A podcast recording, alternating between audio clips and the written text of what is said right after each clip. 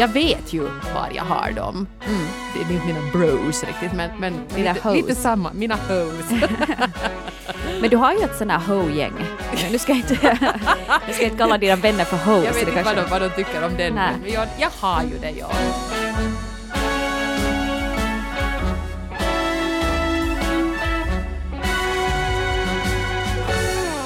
Här i relationspodden så fokuserar vi ju surprise på relationer. Och jag märker ju att det kanske ofta drar åt det där romantiska hållet när vi pratar om såna här saker. Men det tänkte vi inte göra idag, utan idag tänkte vi faktiskt sätta vänskapen i fokus. Och det passar ju bra så här när det alldeles strax blir vändagen. Mm. Alla hjärtans dag eller vändagen, folk kan ju vända det här precis hur de vill. Men vi tänker just att det här finskans ystävänpäivä, att det är någonting som eh, ja, kanske faller lite sådär i glömska också. Att, att man mera tänker att åh nej, jag har ingen käresta, så liksom alla hjärtans dag känns som en fullständig flopp. Men om man har vänner så är man ju ändå ganska lyckligt lottad. No, det är man, verkligen. Eh, Och jag tycker ju personligen att det är roligare att fira den här dagen som vändagen än som någon sån här Åh, kolla här kommer jag i mitt röda raffset, juhu! Ja. Jonas sagt va? Vad hade tagit åt dig? Va, varför? Va? Har du druckit för många cocktails? nej, jag tror han skulle uppskatta det. Eh, Nå, kanske. Men Ja. i alla fall, jag tycker den är lite så här, lite så slibbig och så där överkommersiell den här romantiska biten av alla hjärtans dag. Så att anamma det här ystävänpäivä vändagen, det tycker jag är mycket roligare och att uppmärksamma mina vänner på den här dagen. Så vi gör det här också. Du till exempel. Grattis på vändagen, Mm. Grattis Hanna. på vändagen, Eva. Vi ses ju inte på måndag, så vi kan ta det nu direkt istället. Ja. Mm. Ja, nej men eh, det här med att, att vänner ställer upp, så det är ju någonting nog som är eh, verkligen guld värt. Eh, Och jag tänkte just på, på mina vänner. Jag har lyckligtvis flera riktigt härliga vänner, som vissa av dem har jag känt i hela mitt liv och andra har jag känt nästan hela mitt liv. Och sen finns det också många fina vänner som har dykt upp också på senare tider. Och det kan ju vara så att vänner kommer upp lite i olika livsskeden. Och eh, här i Finland så är vi ju inte kanske så jättebra på sådana här känsloyttringar verbalt, utan den här kärleken som man känner för sina medmänniskor, den kanske tar sig uttryck mera i, i handlingar. Jag skulle kunna ta och börja här nu med ett exempel ur mitt egna lilla kaotiska liv. Så det var faktiskt här för inte så länge sedan som eh, jag, jag kände mig ganska överväldigad. Jag har haft det ganska jobbigt sådär på det privata planet. Och jag är ju ensam med två barn, 100 procent, så jag har dem hela tiden. Och ibland så kan det här ju kännas ganska jobbigt. Och så har du den där fyrbenta sonen också. Ja, och de har jag dessutom. Alla bara ska ha och ska ha.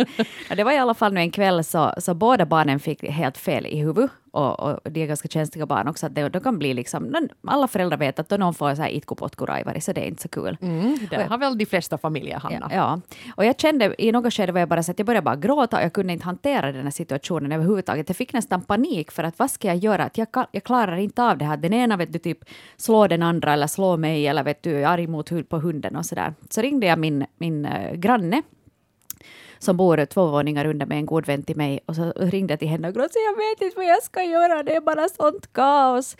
Och jag tror att min dotter tog tid. 45 sekunder senare så stod hon utanför min dörr.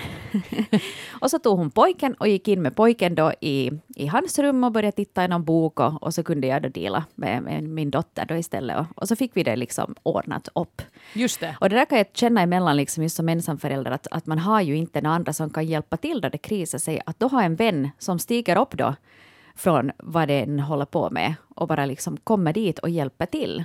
Och var där en halvtimme. Och, och det, liksom, det ordnar upp sig. och precis vet vad som behövs. Att du behövs här liksom en, en annan vuxen som kommer in och, och på något sätt avlastar. Ja, och som inte själv liksom inne i ett sån här liksom känslomässigt utbrott. Nej, själv en, på något också. sätt en sådant fyr, lugnt fyrtorn Ja. som man kan ty sig till. Det Ja, så för, mig, för mig så definierar nog vänskap det här liksom att, att det är människor som du kan vända dig till även då det inte är som så himla bra och att du kan lita på det att de verkligen ställer upp för dig också. Det var ju frågan vi ställde till er eh, den här veckan. Vad är det finaste en vän har gjort för dig? Och det blev väldigt blandat här nu. En del ganska så här storslagna grejer. Men mycket handlar det nog om saker just den här, av den här kalibern. Sådana små handlingar som bara var precis rätt. Att en vän är en som ser vad som behövs och som agerar snabbt. Eh, Men vi skulle kunna ta, vi har, vi har, det här blir riktigt, hör ni nu, ett sånt här feel good Ja, men det behöver vi. Ja, Ja. Härliga, härliga berättelser om härliga människor. Vi kan börja med Cappuccino 37 som skrev så här. Min vän sen lågstadie agerade matchmaker, det vill säga hon bjöd hem mig och min blivande man på lunch under studietiden. Det var inte kärlek vid första ögonkastet men sen några år senare då träffades jag och den här killen igen på gymmet och då tände det mitt i allt till. Jag hade just kommit ur en komplicerad relation och jag var därför tveksam. Men den här samma vännen som presenterat oss för varandra uppmuntrade mig och la in ett gott ord för killen. Och nu har vi varit tillsammans i tio år och har två barn. Så jag är tacksam för att jag lyssnade på min vän. Hon kände mig så väl så hon visste vad jag behövde även när jag inte själv såg riktigt klart. Hmm. Och vänner känner ju en ofta bättre än man kanske till och med själv känner sig själv. Mm. Och kanske kan se just med en sån här partner, ja men den här, för de ser ju en utifrån. Man är ju själv fångad i sitt eget kaos och i ja. sin egen hjärna. Att en utomstående kanske ser bättre. Att, Ge okay, honom kunna... en chans till att han är på riktigt jätte, jättetrevlig och, och snäll och man själv är såhär nej men jag ska nu leva Alla som en nunna. skit. bra, bra att man, man också vågar säga det att hör du i sitt nu ge upp på honom. Mm. För att jag, jag har en bra filis med er två. Ja. Sånt ska man lyssna på. Det, kan inte, det kanske inte alltid blir helt rätt men, men i alla fall, mm. lyssna på sina kompisar. På tal om träning så här finns också ett annat brev som har kommit in från Vasabo 46 som skriver så här. Jag bowlade med en kompis och fick träningsverk och då sa vännen att hör du, nu får du nog skärpa dig. och tack vare hans kommentar så har jag nu styrketränat i 18 år. Det kanske inte var det finaste någon sagt till mig, men absolut det bästa. Ja, ärlighet är ju nog också någonting som man ska vara tacksam för. Det kan vara lite tufft ibland, mm. men när det levereras av en kompis som man vet att vill ens bästa så är det nog värt att försöka lyssna, fast yeah. man kanske blir lite no, ja. ja. Man ska ju inte få grym träningsverk av att bowla, det är yeah. inte så tungt. Jag skulle säkert få det nu som tröst till alla er där ute som också har legat på soffan här hela vintern. Mm. Jag är förlamad i min högra arm ja. efter en halvtimme där med ett fyra kilos klot. Då ska ja. man nog kanske skärpa till sig. Mm. Mm. mm. Tina, 55. Uh, eh, när jag som nyskild flyttat in i mitt nya hem dök min vän upp med två IKEA-kassar fulla med lakan och andra nödvändigheter. Jag gissar att du inte fick med dig någonting så här kommer jag med ett litet startkit, sa hon. Älskade människa. Mm. Så härligt det där också. Att man ser vad den behöver och, och då liksom rycker ut. Ja, och så konkret. Man kommer med några trevliga lakan och säger nu ska vi bädda fräscht. Ja. Jag hade också kommit ihåg det, jag fick mitt första barn och, och drabbades av en förlossningsdepression. Så kom också en bekant hem till oss och uh, kom hem med två kassar med mat och lagade mat och skötte babyn i ett par timmar så mm. att man fick vila lite. Helt oombedd. Bara gjorde det här för att det kanske behövs här just nu. Och inte tar det ju så mycket tid och pengar ändå på det sättet av Nej. en. Men det kan betyda jättemycket att, man, att någon finns där ute och någon ser hur jag har det. Om man just har gjort slut med sin partner och kanske till och med flyttat ut som i det här exemplet, då känner man sig ju så eländigt ensam. Men att det då dyker upp någon och markerar att nej, nej, nej, det här, det här tar vi, det här, det här fixar du och jag hjälper dig. Ja. Här är ett annat exempel. Uh, jag ska inte säga signaturen för det är nästan en spoiler, men en ett liknande scenario. En gång när jag var helt trasig och mitt i en äktenskapskris rövade mina barndomsvänner bort mig. Vi rodde ut i en ö som vi brukar besöka som tonåringar. De hade tagit med några cider och så satt vi där och chillade i några timmar innan vi rodde hem igen. Det var en verkligt fin gest för en som behövde komma bort ifrån allt. Och signaturen är fortfarande gift 36. Ja. det kanske var just det där som behövdes. Den där ja. stunden på den där ön och de några sidor och att man fick liksom ösa ur sig. Ja, och jag tycker att det, det är så ljuvligt med det här att de, de på något sätt tog fram sina tonåriga jag för att det var de som skulle hantera den här situationen. Om man är mitt i en äktenskapskris och man kanske då är 30 och vuxenlivet har lite tagit en på bar gärning och man tycker att det här är jag ju jättedålig på. Jag är ju inte speciellt bra på att vara gift och det är inte min man heller. Och hur ska det här nu gå till? Men när jag var tonåring så hade jag ju koll på allting. Och då kommer det plötsligt Sandra och Melissa med några sidor i en klirrande kass. Och sådär att nu ror vi ut till den här ön ja. och så tjuvröker vi lite ja. och så dricker vi lite cider. Men vem ska inte bli glad av sånt? No, precis, och då kanske man får den där, fast man, de kanske inte trodde så hemskt långt bort, så tror jag det här blev en sån här mental tidsresa också, att hitta tillbaka till sig själv, ro tillbaka hem och ge äktenskapet en ny chans för att man på något sätt hade blivit påmind om vem man var. Eller lite påverkad av där sidor. Så tänker man att den där mannen är ju ganska Han het är ju faktiskt. ganska bueno nu när jag tittar riktigt noga. Vilken fräsching vi har här hemma. Nej men vad fint, det där var ju verkligen en, en solskenshistoria. Här har vi också fått eh, ett brev av eh, en person som jag antar är en man eftersom han skriver på följande sätt. Jag och mina bros har en viss sorts humor. För utomstående ser det säkert bara ut som att vi förolämpar varandra hela tiden, men när det riktigt behövs så finns vi faktiskt där för varandra. Jag antar att det är det fina med dem. Vi behöver inte säga till varandra att vi trivs i varandras sällskap. Vi behöver inte gråta mot varandras axlar hela tiden för att veta var vi har varandra. Vi bara gör det. Så skriver J34. Det tycker jag är en jättebra poäng, för jag är kanske inte heller den med mina kompisar att jag ska vara sådär Åh bästaste ljuvligaste du och här ska du få en, en rosa nallebjörn och en chokladask för att det är alla hjärtans dag. Inte sånt, men jag vet ju var jag har dem. Mina, det är inte mina bros riktigt, men, men, men lite, lite samma. Mina hoes. Men du har ju ett sånt här ho-gäng. Nu ska jag inte, jag ska inte kalla dina vänner för hoes. Jag vet inte vad de, vad de tycker om den, Nej. men jag, jag har ju det. Jag, jag, jag, har, jag kanske inte har sådär jättemånga vänner kvar från skoltiden, men från studietiden så har jag ju då ett gäng som vi började alla studera journalistik samtidigt. Och sen i något skede när vi lite börjar splittras ut på olika redaktioner runt om i världen så... Världen? Svensk ja, Finland. Nej men faktiskt världen. En fot i Thailand och en fot i Köpenhamn och så här. Så nu har det, nu har det ju hänt grejer. Eh, och då började vi ha en gemensam e-postadress som vi loggade in på och så hade vi det som ett litet forum var man liksom nästan skrev dagbok så att de andra såg det. Och efter det så har det här övergått till att vara en chatt. Men där hör vi nog av oss så gott som varje dag ger ett litet livstecken. En del har mycket jobb och så där kanske inte hinner skriva varje dag. Men det som jag ju har märkt med mitt gäng är att så fort någonting lite krisar till sig, någon skulle skriva att, att oj, nu tror jag att, att vi ska skilja oss, min man och jag, då är alla där på momangen. Eller någon säger att, jag menar det var, det var för några år sedan när många fick barn och det var sådär nervositet med att är jag gravid eller inte, sådana här stora omvälvande saker. Då kom alla genast rusande dit och, och visa sympati och, och kärlek och, och, och på något sätt fanns där. Inte alltid i samma rum, men att jag visste att, att de är några sekunder bort om det riktigt skiter sig. Och det är nog verkligen, verkligen guld värt. Ja. Jag funderar på det här hur jag själv skulle besvara frågan att vad är det finaste kompisar har gjort för mig. Så det här gänget har ju gjort mycket. Men jag måste säga att ett sådant exempel var ju då för, för tio år sedan ungefär. Nej, mera. Vad blir det nu då? Det blir tolv år typ. När jag på några veckor tappade precis allt mitt hår för att jag fick en sån här märklig sjukdom som heter alopecia som lite kommer och går fortfarande. Men då var det faktiskt så att jag blev totalt 100% skallig och det tog bara två veckor och kom från ingenstans.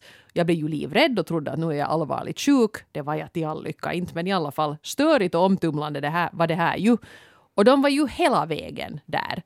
Och det här som kompisar kan göra, att de vet hur de ska dosera ut det här stödet.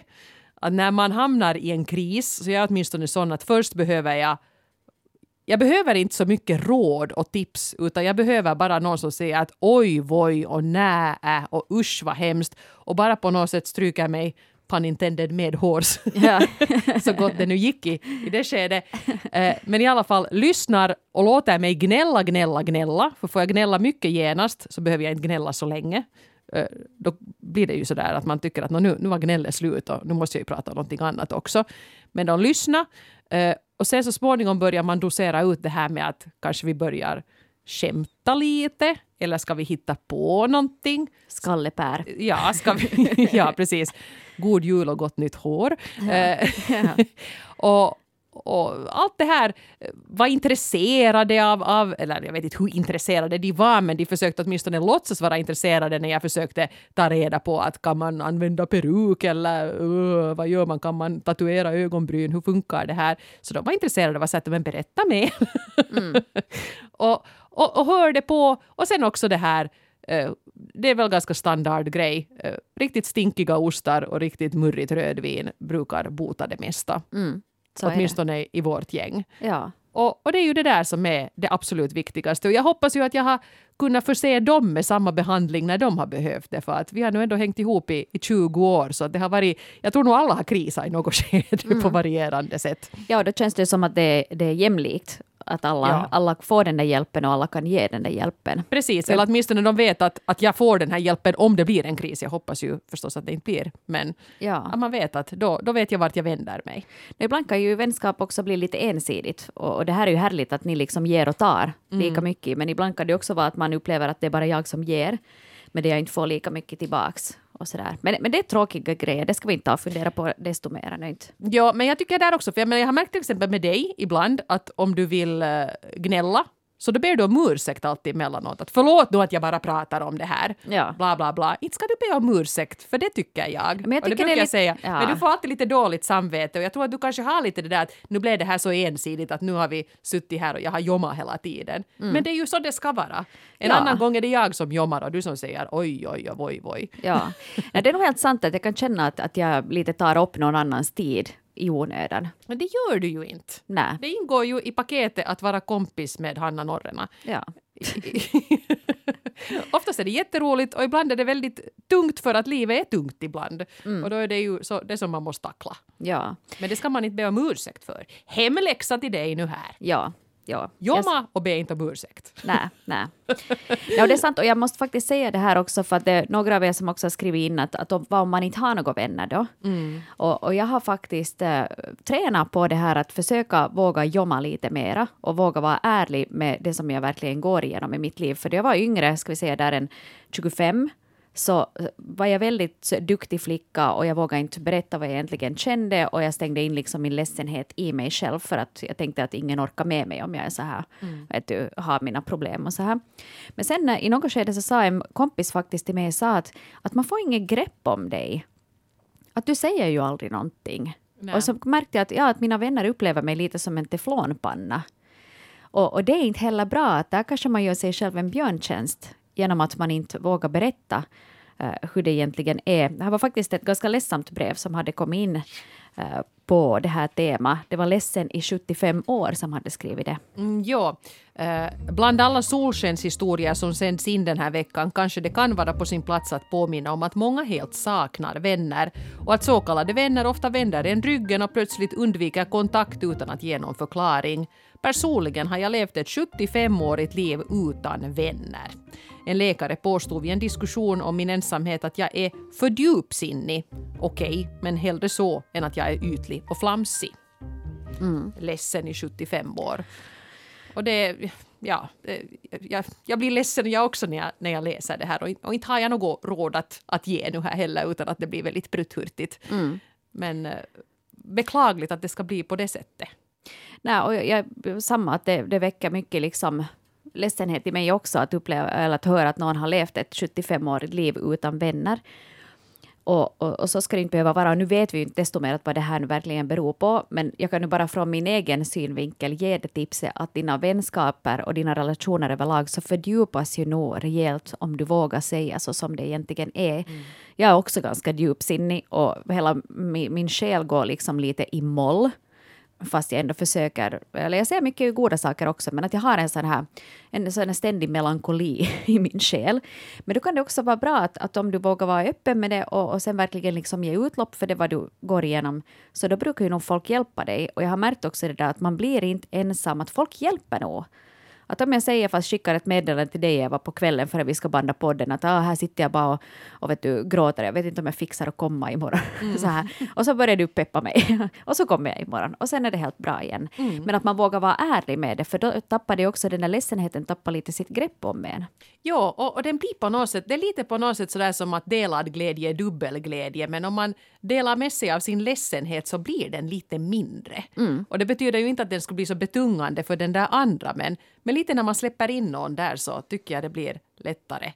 Ja, man blir mindre ensam också, för då kan det vara sen att jag kommer och hämtar dig då nästa dag och okej, okay, allting är inte kanske nu helt super, men i alla fall så känns det bättre att träffa dig då jag vet att du vet vad som är på gång, att då behöver jag inte heller låtsas Nej. som någonting annat. Exakt, nej det ska vi inte göra. Så där, där, tror jag också att, att, den här brevskrivaren, 75 år, som har varit ensam, inte haft några vänner, ja, det är som sagt, det finns inte riktigt något råd att ge, men Jag liksom tror att- åtminstone inte på att den där läkaren hade rätt. Jag tror inte att man kan bli utan vänner för att man är för djupsinnig. Det tror jag inte. Bara att det har man- varit fel personer som har varit i din omgivning. Men det var intressant. Ja, nu, nu kan det hända att jag citerar helt åt skogen, men jag tyckte det här var smart sagt och jag vill minnas att det här var någonting som Linda Lampenius sa i TV för länge, länge sedan. Eh, och jag tror att de pratade om amerikanska och uh, finländska vänner uttryckligen. Och då sa hon det här att, att hon har uppfattat eh, Eh, att eh, amerikanska vänner kan vara lite som en, eh, kanske hon sa persika. Att det är väldigt fruktigt och ljuvligt och härligt där på ytan. Men sen när man har arbetat sig igenom det så kommer den där kärnan och den är hård som attan om man kommer igenom den på något sätt. Medan en finne är en kokosnöt. Ja.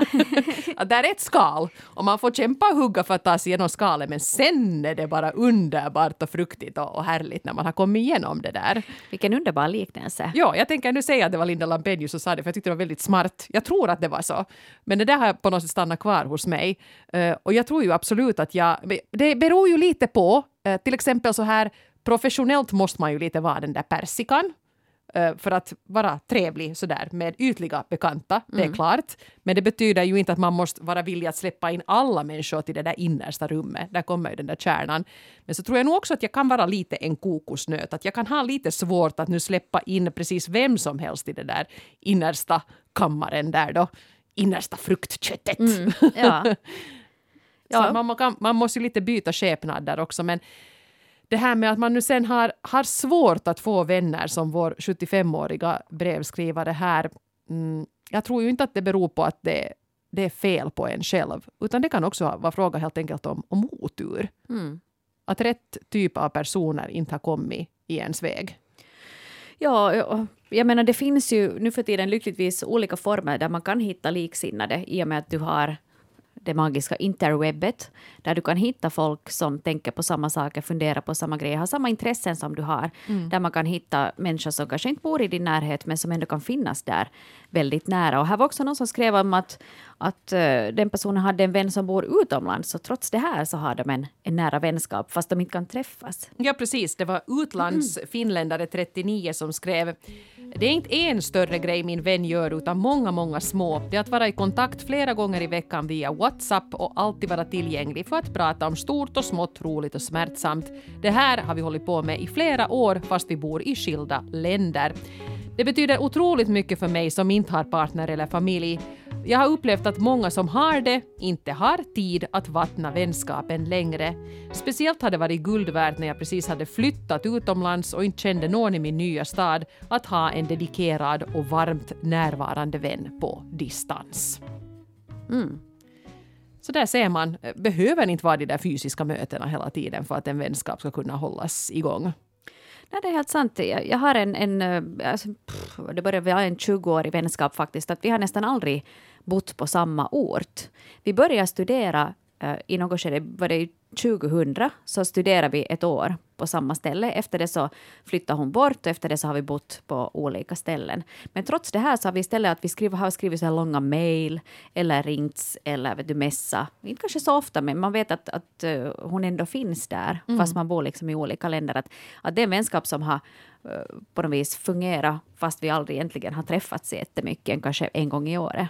Under pandemin har ju säkert många varit tvungna att ha vänskaper på distans fast inte fysiska avståndet skulle vara så hemskt långt heller. Men faktiskt här, apropå det här med att inte ha några vänner och att det kan bero på otur, så tänkte jag att här skulle det kunna sitta ganska bra med en, en berättelse om en som hade tur, nämligen Evigt tacksam 47 som har skrivit Hela lågstadietiden handlade för min del om överlevnad. Tillvaron var outhärdlig och jag blev liksom mindre för varje vecka. Jag var mobbad och småningom vande jag mig vid att det var min lott att ingen ville vara med mig. I högstadiet flyttade en ny flicka till vår skola. Hon var tuff, uppkäftig och jäkla cool. Jag satt ofta i skolbibban för att försöka få tiden att gå snabbare innan jag kunde gå hem och en dag kom hon dit och satte sig vid mitt bord. Vi började prata och vi hade en massa gemensamt. Plötsligt existerade jag. Hon tyckte att jag var intressant. Det här mötet var en milstolpe och en vändpunkt för mig. Hon både förändrade och räddade mitt liv och fortfarande idag är hon min bästa vän. Ja, jag blir nästan tårögd när jag läser evigt tacksam 47s brev. Tänk att det kan gå så också. Ja, Ja. att en dag så, så finns den där vännen bara där. Ja, och just där också, för det som jag var inne på här, att om man inte har vänner så det kanske inte nödvändigtvis det att det är något fel på en. Men det är kanske så att de som råkar omge en just då inte fattar vad man är för en. Och så kommer det in någon som är av rätt skrot och korn. Och då blir man en helt annan person för att man på något sätt man inser att, nej, men att jag, jag är ju helt okej, jag är ju intressant, herregud. Mm. Och vi Ja. har roligt tillsammans. Ja, Ja, man behöver inte ha så många vänner. Att har man Nej. en bra vän redan så är det ju helt super. Ja, vad fint. Ja. Men det där är ju drömmen, det där är ju det som, som alla, alla som någonsin har känt sig utstötta och så där, man önskar ju att den där coola och kaxiga ska komma och försvara en. Jag fantiserar, jag som enda barn, jag fantiserar ofta när jag var liten om att jag skulle vilja ha en storebror, gärna någonting i stil med Jonathan i, i Bröderna Lejonhjärta, som skulle vara den här som bara sveper in och, och räddar en om, om någon är dum. Det är liksom svårt att få en, en Jonathan i efterhand. Jag vet inte Ja. vilken, vilken adoptionskö mina föräldrar borde ha ställt sig i för att skaffa en sån. Gärna med sån här pagefrisyr, Ja. Kanske man kan säga det. Och pannlugg. Så ska han vara. Gärna en häst också. Ja. Och han ska kunna bära dig på ryggen. Ja, precis. Ja, ja. Jag kan bära honom sen när vi ska hoppa till Nangilima. Men det var ju liksom en sån där dröm. Och, och här, här gick ju det faktiskt. Hen- Hennes Jonathan kom ju in då i skepnad av en cool och kaxig tjej som säkert genomskådade de där andra rövhattarnas skitbeteende och, och så att det här är ju en ljuvlig typ, varför ingen med henne? Henne Ja. tar jag. Ja, precis. Vi ska ännu här på slutrakan kunna ta några brev som handlar om eh, rent praktiska handlingar som har varit livsavgörande, nästan vågar jag påstå. Här har Maria, 48, skrivit så här. De två senaste åren har varit utmanande med husförsäljning och flera renoveringsprojekt. Men vi har fyra vänner som alltid har sagt att det är bara att säga till om vi behöver hjälp och de säger till och med att det är roligt. De har tömt en vind på 50 år av gammalt bråte, de har byggt kök, de har rivit väggar och golv. Ja, listan är lång. Förutom den praktiska hjälpen så har det värmt våra hjärtan och gett oss hopp och krafter då det har känts hopplöst. Vi hade aldrig klarat av allt det här utan vännerna. Skriver Maria.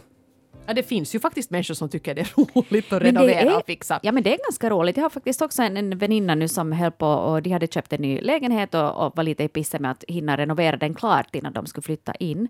Och då sa de att oh, shit vi måste måla i helgen. Jag sa att va? Ska ni måla? Jag älskar att måla. Jag tycker det är så roligt. Mm. Ja, för det är det, är så, kul. det är så konkret och i motsats till det här arbetet att du, liksom, du ser konkret att, att det blir ett resultat av dina handlingar så att jag kommer gärna och målar. Och så var jag där och målade ett veckoslut och tyckte att det var jätteroligt. Och de var så att oj förlåt nu att vi ber dig. Jag sa att nej nej jag kommer gärna. Ja, det är kul. Ja. Och också att röja upp någon annans bråte Ja. är mycket roligare än att röja upp sitt eget bråte. Ja ja. Så att det är bra. Ja, ställa upp med sånt här, det är Och- faktiskt guld värt. Och där är viktigt också att våga be om hjälp. Att om du behöver fast eh, då att hej nu ska vi faktiskt behöva tömma det här förrådet i helgen. Så, så frågan att men skulle ni nu kunna komma fast och hjälpa till?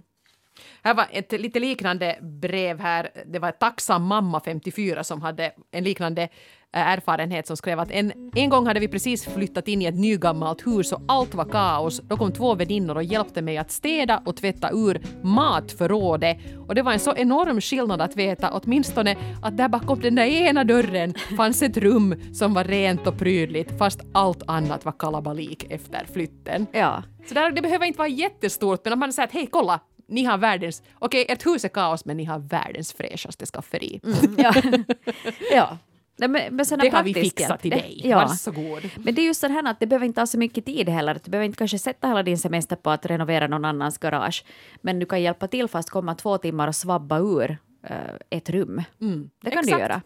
Och sen en sån här grej också, Bästis 50 plus skrev att min vän hämtar mina barn från dagis och skolan två gånger i veckan varje vecka. Min man är ofta bortrest och då kommer hon och firar fredagsmys med oss.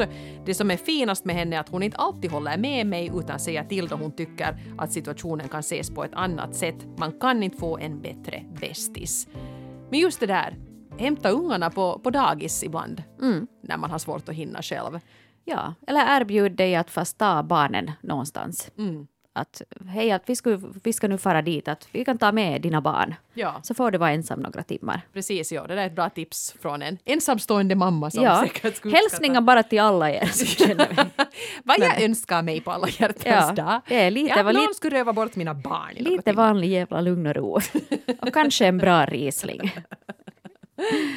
Um, men ja, okej, nu, nu har vi pratat om ganska sådana här, vad ska vi säga, förmånliga grejer. Det kostar ju inte någonting att hämta någons barn på dagis eller att städa upp ett skafferi. Eh, Pia, 42, hade en lite mer generös kompis, men jag tycker också det här är ett så fint brev så vi skulle kunna ta det här då. Det var många olika hjälpåtgärder. Vi kan sätta som rubrik för det här brevet Flytthjälp, vin och en Roman holiday. Låter bra. Jag och min ex-sambo hade en grym kris. Min bästa vän var ute på promenad i skogen med sin familj när jag ringde henne i panik eftersom jag hade fått reda på att min sambo bedragit mig. Då sprang hon hem från skogen, hoppade i bilen och körde med gasen i botten hem till mig. Resten av hennes familj och hennes hund stod kvar som frågetecken i skogen. Utan bil. Ja, hon, ja, det var, ja, just det. Hon var hos mig inom 30 minuter fast det normalt skulle ha tagit en och en halv timme att köra sträckan. Det, det, relationspodden uppmanar inte att man gör på det sättet. Man ska Nej. ändå hålla sig till fartbegränsningarna. Men fint, behjärtansvärt att, att skynda, skynda till undsättning. Efter att den första chocken lagt sig fanns hon med mig under hela separationsprocessen. Hon kollade lägenheter med mig, hon hjälpte mig att packa ihop ett helt hus. Okej, vi drack vin samtidigt. Dessutom fixade hon så att hennes familj och arbetskompisar kom och hjälpte till den där dagen när jag flyttade ut. Hon ringde varje dag. Hon är min allra bästa vän som verkligen finns där för mig i vått och torrt. Och dessutom tog hon mig till Rom på min 40-årsdag. Det var den bästa present jag någonsin fått. Vilken vän alltså! I love her. Ja. I love her too! Ja, I love her too. Pia, 42, din kompis. Grattis. Jag tror att det var så här kling, kling, kling. Ja. We have a winner. Ja, oj, oj, oj. Ja, nej, men det där var ju nog helt, helt super. Och jag menar, har man möjlighet att bjuda sin kompis till Rom, absolut. Ja, Sen då det är säkert att resa. Man måste alltid ha en sån här disclaimer här. Men absolut, varför inte, inte göra det? Men jag tror att det här liksom andemeningen i det där också, att hon lämnar gubben att hej nu får ni klara er själva, att min vän behöver mig ja, nu. ja, ni får ta er hem nu här på något sätt för att Ja. jag måste nu fixa det här. Ja, att det är just det här som man känner att man har någon som man kan ringa och att den du ringer också ställer upp. Det betyder inte att man måste kunna ställa upp med 30 minuters varsel, men att man ändå är i beredskap. Just det, ja. Och att någon som prioriterar en just då när, när allt är upp och ner. Mm. Det är otroligt. Ljuvligt. Hej, underbara be- berättelser som ni har skickat in. Och Vi tackar ödmjukast för de här och, och gläds åt att det finns så många fina vänskapsförhållanden där ute. Och är det så att du kanske inte har jättemånga vänskapsrelationer så kanske det är läge att försöka hitta nya vägar att hitta nya människor på. Det, det Så kanske en- du också hittar din coola tjej i Bibban någonstans. kanske alla har sin coola bibba-tjej. Någonstans. Man måste bara försöka Hitta den. Hitta, hitta den där. Och det är antagligen precis lika viktigt som att hitta liksom en kärlekspartner. är ju att hitta de här vännerna. Mm. I livet så behöver man båda dera. Eh, Och man ska vara glad om man, om man hittar dem. Eh, I och för sig, man behöver nästan vänner mera. Man klarar sig utan partner. Ja. Men man klarar inte sig utan vänner. Nej, det blir, det blir jobbigt. Betydligt jobbigare. Ja. Eh, Jag funderar här att kan man nu låta sig inspireras här nu då? Hur ska man kunna fira alla hjärtans dag eller vändagen? Kan man, kan man ta någon idé här? Jag blev lite inspirerad faktiskt. Ja, jag skulle säga att tips nummer ett är att du behöver ju inte komma nu då med, med det där kortet eller chokladasken just på vändagen, utan Nej. kanske du funderar lite på dina vänner och tänker att hur har de det egentligen? Att höra av dig, att finns det någonting jag kan göra för dig eller ska vi hitta på någonting tillsammans? Behöver, om du vet att någon är lite nere, hur kan du pigga upp den personen? Att, att kanske göra, göra en liten insats här och där. Ja, och jag tänker också att, att det som jag tar med mig av de här breven är att jag ska bli bättre på att lite våga tränga mig på när någon mår dåligt. För jag kan bli lite ibland sådär att "Nå nej, att kanske hon nu inte vill ha besök just nu. Men det där att dyka upp med den där IKEA-kassen med, med lakan eller säga att hör du, lägg dig på soffan, nu lagar jag mat. Eh, Sådär. Eh, Att man ska våga göra det. För nu blir man ju utkörd om den där kompisen faktiskt inte vill ha en där. Men, men det var så många som vittnade om just det här, att då när det var svårt som min kompis dök upp och var med mig. Och jag tror att det är det som man ska komma ihåg när det stormar i ens bekantskapskrets, att man ska våga göra det. Absolut. Med de orden och de berättelserna så, så önskar vi er en riktigt härlig alla hjärtans dag eller en riktigt fin vändag. Jag blev bara sådär luddig i själen Mm. nu. Det var fina, Ja. fina storyn den här veckan. Tack Ja. för dem. Tack så mycket.